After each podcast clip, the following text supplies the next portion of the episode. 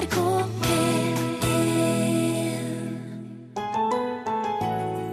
Og så skulle jeg være med på en konferanse, og så sier han til meg at å ja, så du skal være med som selskapsdame, du da. Uten å tenke så tok jeg da den teposen, og så, som vi sier i Bergen, kylte den over på motsatt side. Men den traff meg midt i øyet. Ja, en tepose i øyet, det må man kanskje regne med når man tramper på andre for å løfte seg sjøl. Vi får flere eksempler på hersketeknikker i Mellom himmel og jord i dag. Margrethe Nåvik er det. Vi møter også en kar som har fryktelig dårlig samvittighet for all smerte han har påført andre i livet. Og da se moren sin holde rundt sin egen arm for at du skal få fram en blodåre, og hun sitter og gråter, det er Altså, jeg kan ikke beskrive hvor jævlig egentlig jeg har vært med mor, men uh, nå er det snudd til noe helt annet. La alle gode krefter la det få lov å være sånn. Det er i hvert fall mitt aller største ønske i livet.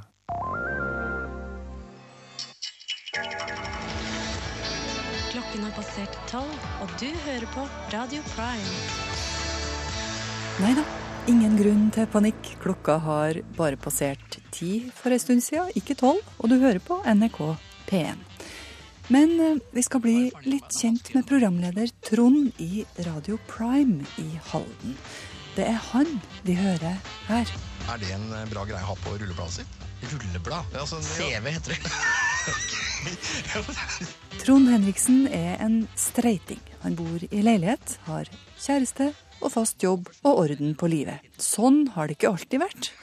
Han pleier å si at han eh, har ikke CV, han har rulleblad. Dette er Hit, men ikke lenger, med Trond Henriksen og Ole Evenrud. Store deler av livet hans har handla om dop. En gang så rana han et postkontor, skremt vettet av dama bak skranken. Senere så møtte han henne mens han satt i fengsel. Det er dine øyne jeg ser, sa hun. Hun hadde mareritt om nettene, om Trond. Det var en vekker. Han har grusomt dårlig samvittighet. For dama på postkontoret, for mange, men aller, aller mest for hun som ga han livet. Vi foretar ei reise tilbake til 60-åra og til hans aller første minne av mor.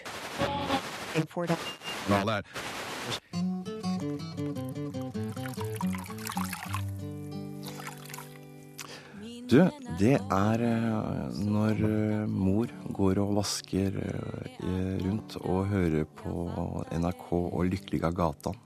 Og da er jeg tre år gammel, og jeg husker den røde nettradioen ennå. Eh, Det er det første jeg husker med mor. Det er det første jeg husker i livet mitt, egentlig. for å si det ærlig. Jeg var tre-fire år. Det, det, det er liksom akkurat det at hun går rundt med den kluten og nynner på Lykkelige gatan. Den, den sitter. Et kjent og godt bilde for mange av oss som vokste opp på 60-tallet, det her. Mor som tar hånd om huset og barna. Men dessverre så var ikke Trond sitt hjem helt godt å være i alltid. Både far og stefedre drakk seg i hjel. Og Trond han var i grunnen ikke helt typisk, han heller. Altså, første gangen jeg eh, virkelig skuffa mor, som jeg så hvor redd og lei seg hun, hun blei, det var eh, når jeg ble tatt for sykkeltyveri på Sten og Strøm. Da hadde jeg jo skulka skolen i, i mange måneder, og mor trodde jeg var på skolen, og skolen trodde jeg var syk. Og så ble jeg tatt og kjørt hjem av politiet, for jeg var jo for ung til å bli, bli satt inn. Så de kjørte meg hjem og fortalte da mor hva jeg hadde gjort. Og å se mor gråte og bryte sammen den gangen, eh, det husker jeg utrolig godt. Og dette gjentok jo seg eh, titt og ofte. Da var jeg snill noen uker, men så savna jeg disse gutta og miljøet nede på Østbanen og dro tilbake dit. og og dette gjentok seg første gang hun besøkte meg i fengselet, husker jeg også veldig godt. 14 år gammel var jeg, og hun satt og gråt nede i besøksrommet og, og skjønte ikke helt hvorfor jeg gjorde disse tingene. Mm. Uh, så gikk jo årene, og det blei jo ransakninger hjemme. Mor var der.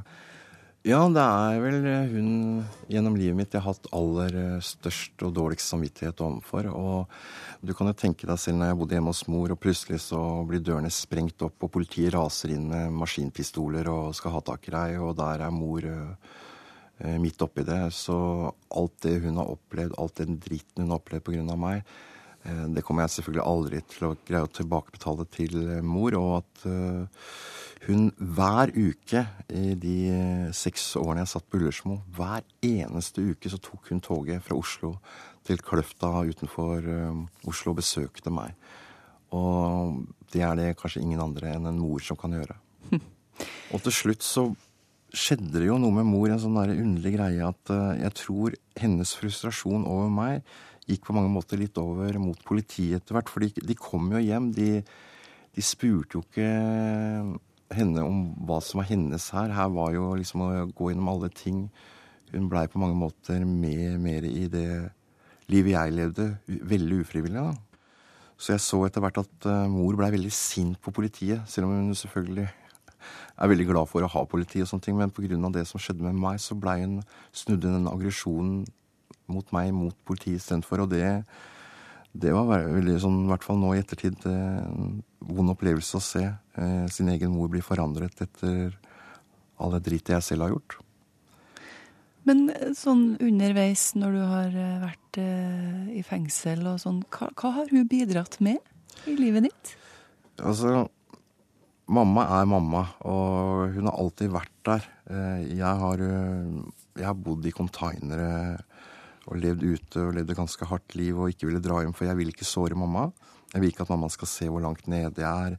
Selv om hun alltid har sagt 'velkommen hjem, Trond, til å ta en dusj' og, og sånne ting, så er man jo glad i mammaen sin, vil jo skåne mor mest mulig. Så jeg har jo prøvd å unngå at hun skal se når jeg setter sprøyter. Hun har jo sett det, og hun har til og med måtte holde rundt armen min for å, få, for å få blodsvar. Det er forferdelig når du sitter og gråter og er helt fra deg og skriker 'Mamma, dette, du må hjelpe meg, du må hjelpe meg, ellers så dør jeg'.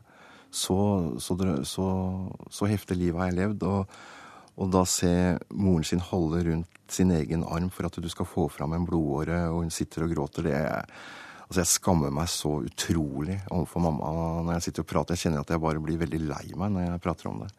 Så, så jeg er ikke så veldig stolt uh, over livet mitt overfor mamma. Men uh, til forsvar så kan jeg si i hvert fall at i dag så blir jeg i hvert fall neddynka med kjøttkaker og enormt mye kjærlighet. så, så kontrastene er store i dag kontra det som har vært tidligere. Hva har du å gi tilbake til mor i dag, da? Og vet du hva, jeg sier så ofte jeg kan at jeg er veldig, veldig glad i mamma. Jeg gir henne klem så ofte jeg kan. Jeg besøker henne så ofte jeg kan. Jeg lar henne få lov å komme og besøke meg så ofte hun tillater det selv. Det har hun gjort for så vidt i fengselet, men nå i litt annen tilstand. Eh, jeg prøver å ta henne med. Hun er jo over 70 år. Jeg tok henne med på Vålerenga-Barcelona fotballkamp. Jeg prøver liksom å få henne til å kunne få oppleve noen fine ting på sine eldre dager sammen med sin sønn, som hun stort sett har opplevd bare å besøke et fengsel. Så for meg er det veldig viktig at jeg kan på en måte betale noe tilbake til mamma for at hun alltid har stått der for meg. Hva er den fineste opplevelsen du har hatt med henne de siste årene? Det var vel å kunne ta med mor til Korsika, for hun hadde aldri vært lenger enn eh, til Danmark. Å kunne få lov å ta med henne på en reise en uke og til varmere strøk det, eller bare ligge i fanget hennes og la henne få stryke meg over håret, eller uh, jeg gjør det med henne, det, det, det, er sånne ting jeg aldri gjorde i, i barne- og ungdomstiden. Yes. Så det er, eh, den nærheten til eh, mor har jo blitt helt annerledes nå enn han vært tidligere. Så mm, jeg har Jeg er så glad hver gang jeg får lov å være sammen med, med mor, så, så det er jeg veldig takknemlig for. Hva sier hun om det her, da? Med tida Jeg tror ikke jeg tror ikke mamma er så veldig glad i å prate om fortiden. Jeg tror det har vært en eh, så utrolig vond greie for henne. Mm. Så hun har jo begynt, begynte jo med nervetabletter pga. meg. Hun så meg komme fykende med bil og fem politibiler i ville biljakter oppover der jeg bodde. Eh, så altså, jeg kan ikke beskrive hvor jævlig egentlig jeg har vært med mor, men eh, nå er det snudd til noe helt annet. Nå er det bare lykke og fromme og la alle gode krefter la det få lov å være sånn. Det er i hvert fall mitt aller største ønske i livet. Ja, det her gjør inntrykk på ei mor til tre gutter, det skal jeg hilse å si. Trond Henriksen han er nå på plass med fast jobb, postkasse og firmabil. Og han har fortalt meg at i helga så er mor på besøk i Halden. Du hører på Mellom himmel og jord i NRK P1. Latterliggjøring, makt, skyld, skam, usynliggjøring. Det er noen av ordene på forsida av kompendiet til psykolog og organisasjonsutvikler Linda Fluge. Linda hun holder kurs og foredrag om hersketeknikker, og har så passende kontor i det gamle Tukthuset i Trondheim. Kollega Miriam Wiklund har vært på besøk. Hallo. Hei, velkommen til Tukthuset. Takk. Driver dere med pisking? Uh, nei, ikke, ikke slik som i gamle dager, Å, oh, her var det lekkert. Det er utrolig hvor hyggelig det kan bli i et hus som har rommet så mye gråt og tenners knitsel. Men kanskje er det skjebnens ironi at det nå sitter en psykolog i dette solfylte rommet, med hersketeknikk som spesialitet. Linda Fluge skjenker i koppen, og vi går rett på sak. Hva er en hersketeknikk? Altså Det handler jo om at det er en indirekte måte å bruke makt på. sant? Sånn at uh, hvis en opplever, uh, både hos seg selv eller man kan observere det hos andre, at noen blir gjort mindre enn det de er, at de føler seg mindre i en situasjon, så kan det være at dette er en hersketeknikk. Det kan f.eks. være ved frokostbordet en søndag, og den ene partneren sitter og forteller en historie som er veldig viktig, og den andre bare sitter og ser på, og så etter du er ferdig, så sier han eller hun at 'Nå var det vi skulle ha middag i dag'. Det er jo en hersketeknikk, en, en usynliggjøring. Istedenfor å svare på det? Ja, istedenfor å bekrefte det eller svare på det eller komme med noen kommentarer eller det kan enten være at man bekrefter det eller, eller sier at nei, dette er jeg fullstendig uenig i. Men, men, det å ikke komme med kommentarer, bare fortsette med noe annet, eh, bla i avisen mens du prater, sant. Um, eller mobiltelefon, for den del. Men hender det at vi driver med hersketeknikker uten at vi selv er klar over det? Ja, det, ja, det gjør vi nok. Ja. Mm. Det kan jo være at en, en, selv har behov for å bli litt større. Der, og det, da er jo en uh, teknikk å gjøre andre mindre for å bli større selv. Hva var det som gjorde at du ble spesielt interessert i hersketeknikker? Ja, altså, Jeg startet jo som konsulent i et uh, mannsdominert uh, miljø for mange år siden. Da jeg var nyutdannet psykolog. Jeg var fra Bergen i Trondheim. jeg var blond, ung. Og det er klart at da ble det en del kommentarer på det. Så um, det var stadig eh, litt sånn vitsing omkring eh, at jeg var psykolog, og hvor har du benken din som, eh, som kundene kan ligge på når du skal, skal jobbe, osv. Jeg tok ikke dette som veldig alvorlig, egentlig. Men jeg husker en episode som var Det er litt morsomt, da, fordi at um, jeg hadde en kollega som var 25 år eldre enn meg, og vi satt ved lunsjbordet. Og jeg hadde akkurat tatt en kopp te og tatt posen ut av koppen. Og så skulle jeg være med på en konferanse, og så sier han til meg at å ja, så du skal være med som selskapsdame, du da? Og uh, uten å tenke så tok jeg da den teposen eh, i høyre hånd, og så, som vi sier i Bergen, kylte den over på motsatt side. og hadde vel tenkt å treffe han midt i fanget, eller det vil si, jeg hadde ikke tenkt i det hele tatt, men jeg traff han midt i øyet. Og vi ble like overrasket begge to. Og jeg sa 'Å, unnskyld, jeg mente det ikke'. Og så sier han at 'jo, det gjorde du'. Og siden så var det aldri noen kommentarer. Så det var jo en måte å takle det på, som var bare veldig umiddelbar. Hersketeknikker, er det mest noe som rammer kvinner? Både kvinner og menn bruker ulike typer teknikker mot hverandre. Mm. Hva skal vi se etter, da? Som på arbeidsplassen, f.eks.? Ehm, det er, jo, det er jo klart at en må alltid se det hvilken sammenheng det er, om det er bare en engangsforeteelse, eller om det er noe som vedvarer. Ehm, men hvis en som nyansatt f.eks. kommer inn i en organisasjon, og, og um, hver gang man snakker, så, så tier alle stille, altså det blir stille rundt bordet, så kan man tenke at en gang så er det tilfeldig. Men hvis det fortsetter, da, og blir mer systematisk, så, så kan man tenke at dette er en hersketeknikk. Og, og, veldig ofte så eh, Den som blir utsatt for det, opplever jo at um, jeg blir usikker, utrygg, lurer på om er ikke det interessant det jeg kommer med. Så, så en begynner å stille spørsmål ved seg selv. Så det er jo også sånn, ja, noe man kan se etter. Altså Man opplever at en selv det er noe i veien med. Um, og da er det jo klart at det er lett å reagere. Man blir føles, altså man er rammet følelsesmessig. Du kan si at når det er et, um, et skifte mellom å gå fra sak til å bli person, så kan det ofte være dreie som hersketeknikk. Men hva gjør man da? Ja, Det er i hvert fall veldig dumt å så uh, slå i bordet og reise seg og si at uh, Hør her, dere lytter jo ikke til meg. Altså, Er det ikke interessant det jeg har å komme med? Uh, jeg, jeg opplevde dette som mobbing, f.eks. Er det ikke bra å si det? Nei. Da, altså, da, det, som, det, som, kan skje da, er jo at folk sier Nei, vet du, det var noe veldig synd at du opplever det sånn. Det har jo overhodet ikke noe med virkeligheten å gjøre. Og det at du anklager oss for mobbing, det, det må jeg si er virkelig eh, under beltestedet. Sant? Ja. Mm. Man kan f.eks. i den situasjonen speile tilbake og stille åpne spørsmål.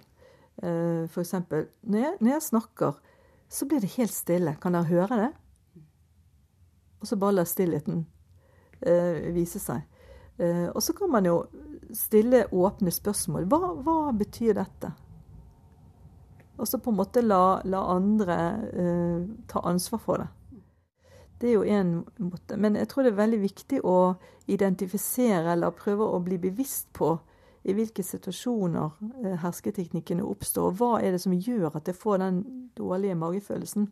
Hva var det som skapte den irritasjonen eller frustrasjonen i meg? Man kan jo lett bli litt sånn paranoid, da. Ja, man kan det. Eh, og derfor er det veldig viktig å bare observere. Altså f.eks. at den andre himlet med øynene når du snakker. sant? Eller ikke sa noe når du var ferdig å, å si noe. Men det er veldig lett å tolke det. sant? At når du ikke sier noe, så er det fordi du ikke liker meg, eller fordi det er ikke er interessant det jeg har å si. Men det blir en tolkning. Så det er viktig at man observerer, prøver å gjenkjenne eh, signalene hos seg selv, og se hva som skjer i omgivelsene. Og, og, så bli klar over at du selv har et valg i forhold til hvordan du skal reagere på det du blir utsatt for.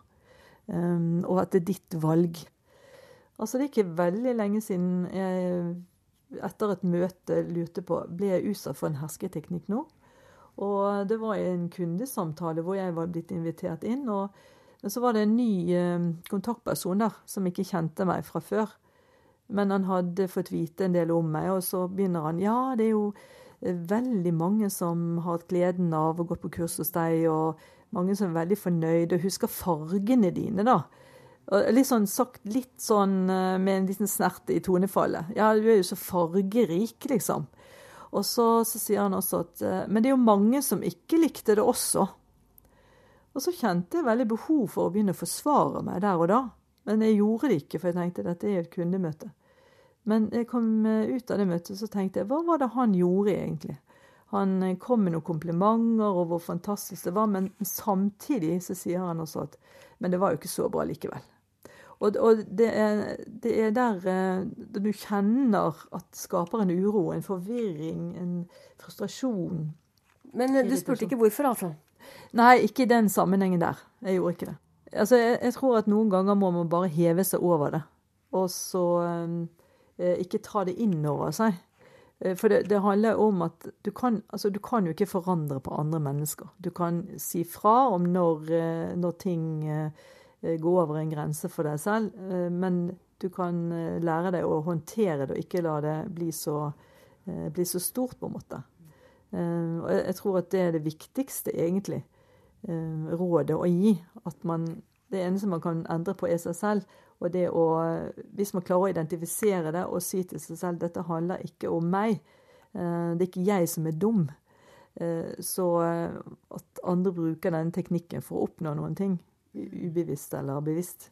Det sier psykolog Linda Fluge i Trondheim, som jobber som organisasjonsutvikler og holder kurs og foredrag om hersketeknikker. Og når hun får nok av det, så tar hun gjerne fram en pensel og et staffeli og skifter virke for en stund. Linda er nemlig også kunstmaler. Det kan vi kanskje snakke om en annen gang. Hun kom til verden med innebygd autotune, altså ei maskin som ligger mellom stemmebåndene og leppene, kanskje, som retter opp hvis man synger ureint. Noen har drista seg til å spørre Ingebjørg Bratland på Facebook om hun har eh, juksa og gjort noe etterarbeid på lyden så rent som hun synger. Frekt spørsmål, sier Ingebjørg. Frekke spørsmål det kan kanskje dukke opp i de neste minuttene også. Vi får se når tre ordkløyvere henter skiftnøkkel, rørtang og kanskje også øks opp av verktøykassa. Panelet. Ja, jeg heter Jonas Våg. Eh, jeg er psykolog og forsker. Eh, og så er jeg også sykkeltrener, for jeg har to tvillinggutter som driver på å lære seg å sykle akkurat nå. Og jeg er en såkalt agnostisk ateist, altså en som ikke tror på Gud, men som ikke eh, har noe imot at andre tror, og er åpen for at jeg kan endre mening. Jeg heter Øydhild Skoglund. Jeg er utdanna folklorist og jobber som fagbokfatter og frilanser, og bor i Praha. Og jeg er en ekte agnostiker. Jeg tror ikke spesielt, men jeg vet ikke om Gud finnes eller ikke. Jeg er Arnfinn Christensen, jeg er journalist i forskning.no, og hjertebarnet mitt der det er en kommentarspalte hvor jeg blander filosofi, religion og naturvitenskap, som jeg kaller Under radaren. Og jeg er udogmatisk kristen. Ordet i dag er Gud. Jeg husker på jeg var en av dem som rakk opp handa oftest i kristendomstimene eh, på skolen. og det var, det var eh, Til oss var det ikke noe spørsmål om å ikke være religiøs. Så følte jeg et sånt eh, press da, til at jeg òg skulle kunne mye om Gud. Men jeg kjente inni meg at jeg, jeg skjønte ikke helt hva, hva, hva er det folk snakker om egentlig. Men hva var det du spurte om da, når du rekte opp hånda? Ja, øh, hvordan er det Gud ser ut? Det var en klassiker. Eh, eh, hvordan er det Gud snakker med folk? Har dere andre i klassen merka hvordan Gud snakker med dere? Hvordan er det det foregår? Eh, så, så jeg var en sånn konkret liten kar da, som lurte på, lurt på de her spørsmålene. Audela, har du blitt snakka til noen gang av Gud? Eh, nei, det føler jeg ikke. Men jeg hadde absolutt ei gudstro i, i barndommen og ungdommen eh, som har forsvunnet etter hvert. Eh, så, så, jeg har ikke noe problem med å vite hvordan det oppleves å, å tro på Gud, mm. å være truende. Mm. Hva var Gud da, da, du, da du hadde din trua? Det er kanskje For meg så var det vel en følelse at det var noe større og beskyttende i himmelen, eller universet, eller hva man skal si. Uh, og, og, jeg ba også, men var også veldig opptatt uh, Jeg ba faktisk hver kveld til jeg var 19. Jeg, jeg er litt blyg i forhold til ordet Gud, for jeg er redd for å misbruke det. Eh, det er vel et av de ti bud som sier at man ikke skal misbruke Guds navn. Er det ikke det? Jeg er veldig dårlig på Bibelen. er det ikke det? Stemmer det også. Jo, det er mm. riktig. For meg så er Når jeg snakker om Gud, så snakker jeg om den mest intense livsopplevelsen min. Det er på en måte en måte å si du til universet på, istedenfor å si det om universet. da. Er det noe du Har tenkt deg? Har du tenkt deg fram til Gud? på en måte? Jeg hadde jo en far som var ateist. Eh, han fortalte fra barndommen sin at han ønsket seg veldig trehjulssykkel. Så ba han å, kan jeg få en trehjulssykkel? Så fikk han ikke trehjulssykkel. Da var han ferdig med Gud. For meg blir det den mest plumpe måten å Altså, Jeg kan ikke skjønne at et intelligent menneske som han var, eh, kunne være så plump.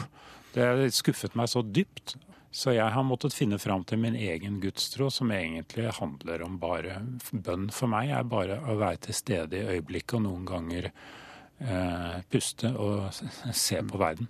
Mm. Det er litt sånn vondt å, å, eh, å assosiere seg med den, den, gjengen som driver og stiller spørsmål. For jeg er jo ikke jeg var ikke den som drev og spotta Gud eller et eller annet sånt på, på barneskolen. og ungdomsskolen. Jeg var lurt på Jeg òg kunne gå hjem og, og, be til Gud hvis det var Blant annet så hadde jeg farmor som var dårlig. Sånn at jeg hadde nok ei, ei tru inni meg sjøl da, en usikkerhet. Mm. Mye mer usikker enn det jeg er i dag. Det gjør ikke meg noe at folk spotter Gud, for det, det er liksom så irrelevant. Men mm. det er verre med de som sier at de tror på ham, men, men, har en sånn veldig overfladisk og litt sånn der smørsøt måte å pakke ham inn i noe slags heslig glasur. Det er det verste jeg vet. Hva er problemet med det? da? Det er Problemet er at det gjør ham liten, og det gjør ham til en sånn fjollete liten teddybjørngud. Noen driver fortsatt og klamrer seg til Gud som om han skulle være en diger bamse. Det er et patetisk. Hvis de stopper der og eh, sagt, eh, sier at dette er hele sannheten, som mange dogmatiske kristne har en tendens til å gjøre det. De sier at 'jeg har funnet sannheten om Gud'. Det er da det blir virkelig farlig. Men du, for å utfordre deg litt, er ikke det du gjør du òg nå, Arnfinn? Nei, jeg mener ikke det. For jeg har ikke noen sannhet om Gud. For meg er, Det er derfor jeg sier jeg er litt blyg for å snakke om det. Eh, jeg, jeg vil ikke at noen skal si 'sånn er Gud' mitt forhold til Gud er bare mitt. Så lenge de ikke sier det, så er det greit med teddybjørn, altså?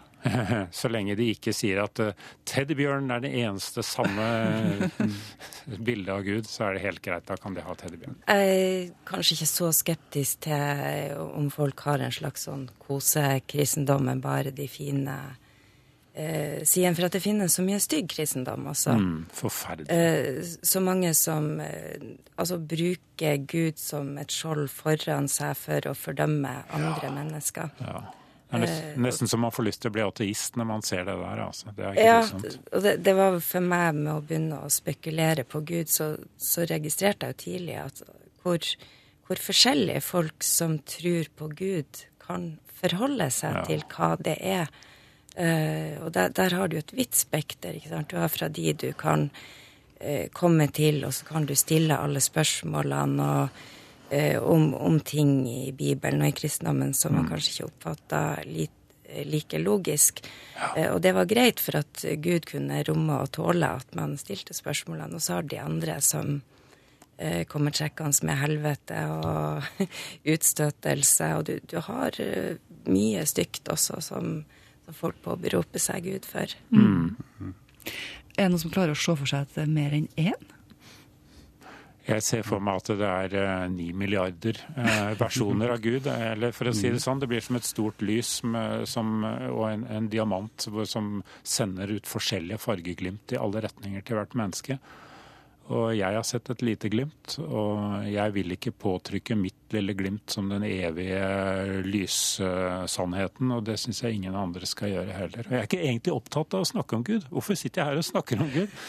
Jeg, det er, det er, jeg er i ferd med å begynne å misbruke Guds navn, jeg også.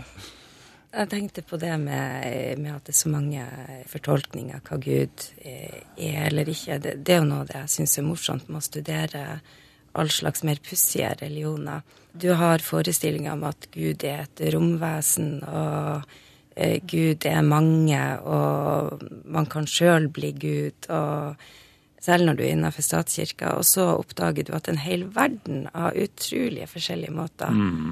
å se Gud på. Og det syns jo jeg er veldig morsomt og veldig spennende. Ja. Kommer vi noen gang til å finne ut Sånn, eh, altså det er jo mange som prøver å bevise at Gud fins eller at Gud ikke fins. Å, spar meg. Vær så snill. Det er ikke noe intellektuelt. Det er livsopplevelse, og det, det kan du egentlig ikke diskutere. Du kan ikke diskutere om du er forelsket eller ikke. Finnes forelskelse? Nei. Det blir meningsløst. Jeg er enig. Altså, jeg har hørt en del ateister som eh, går inn for uh, rasjonelt argumentere imot troende. Mm. Eller føler at de er veldig rasjonelle. De hevder det. Men det finnes jo ting som er utafor vitenskapen. Altså. Ja, det gjør meg bare trist. Vi oppfatter jo verden med våre sanseapparat, mm. og der ligger det en der ligger det en feilkilde uansett til alle mm. oss mennesker. Ja. Vi oppfatter verden uh, ulikt. Audhild Skoglund, Jonas Våg og Arnfinn Christensen pakker dermed ned verktøyet for denne gangen, men de kommer plutselig tilbake med nye, store spørsmål. Nå skal vi besøke en som er mer enn bare sånn passe interessert i Bibelen, for å si det meget forsiktig. Olav Skjellevik fra Onarheim på Tysnes i Hordaland, han har en helt unik bibelsamling. Noen av biblene er over 400 år gammel. Olav han er pensjonist, viser mer enn gjerne fram og forteller om biblene i Onarheim kirke til interesserte. Dette som ligger her, det skal ikke finnes samlet noen andre sted. I Onaheim kirke på Tysnes viser Olav Skjellevik sin private og ganske så spesielle samling av bibler. Og dette er ikke hva som helst. For på et bord ligger tre store og veldig gamle bibler innbundet i brunt skinn og med ei ganske så spesiell skrifttype. Det er de komplette originalutgavene av de såkalla dansk-norske kongebiblene, helt ifra 1550. Det første vi viser her, det er den aller, aller første dansk-norske bibelen fra 1550 med Kristian 3. som konge som sto bak. Det neste var sønnen hans, Fredrik 3., som kom med sin utgave i 1589. Og den tredje av de såkalte kongebiblene ble ferdig i, i 1634. Og det var Kristian Kvart som kom med sin utgave. Så var det de tre eneste av dette formatet. Men dette her er jo det en kaller kongebibler. Ja. Men hva er egentlig kongebibler? Jo, tidligere så fantes ikke Bibelen i sin helhet. Og fantes han, så var det på latin. Så kom Martin Luther med si tyske utgave. Kongen sette ned ei, altså Kristian 3., sette ned ei stor nemnd av lærde teologer med omsetting av Martin Luther sin bibel fra tysk. For det er jo forskjellige kongebibler ja. etter ulike konger. Var det litt sånn ja. prestisje at, at en hadde lyst på en måte av sin egen bibel? Det var, det var nok en del av det, ja. Hvordan fikk du disse? Du, jeg, jeg er jo historiker, og da kan en plutselig få interesse for, for mye rart. Så um, årsaka var at oldefar min, han ble spedalsk og havna omsider på, på Pleiestiftelsen for spedalske i Bergen. Der hadde han med seg sin bibel hjemmefra. Og den bibelen, når han så døde, den kom tilbake til heimen. Og bakgrunnen til den bibelen Jeg ser for meg når gamle oldebesten sitter og leser på pasientrommet sitt. Det var den som tente interessa for bibelsamling. Så dette her er jo bare en del av den bibelsamlinga jeg har, men dette her er gullet. Hvordan fikk du disse? Ja, det er jo ikke til salgs i Norge. Så her måtte jeg til utlandet. Og så tok jeg kontakt med et av de store antikvariatene der, og ba de om å leite for meg. Så gikk det et par år, og så kom det en telefon om at nå hadde de funnet noe. Jeg hoppende glad. Men du, du stoppa ikke der? Nei, nei, nei, nei, nei. kan skynde, jeg stoppet ikke der. I fjor, midt i juli, at det kom telefon fra Danmark om at nå måtte jeg bare svare ja eller nei. Så jeg hadde ingen sjanse til, til, å tenke meg om. Så jeg bare svarte ja der jeg satt. Og da hadde du altså Da kom i komplett stand den aller, aller, aller første dansk-norske bibel. Å, da kan du prøve deg!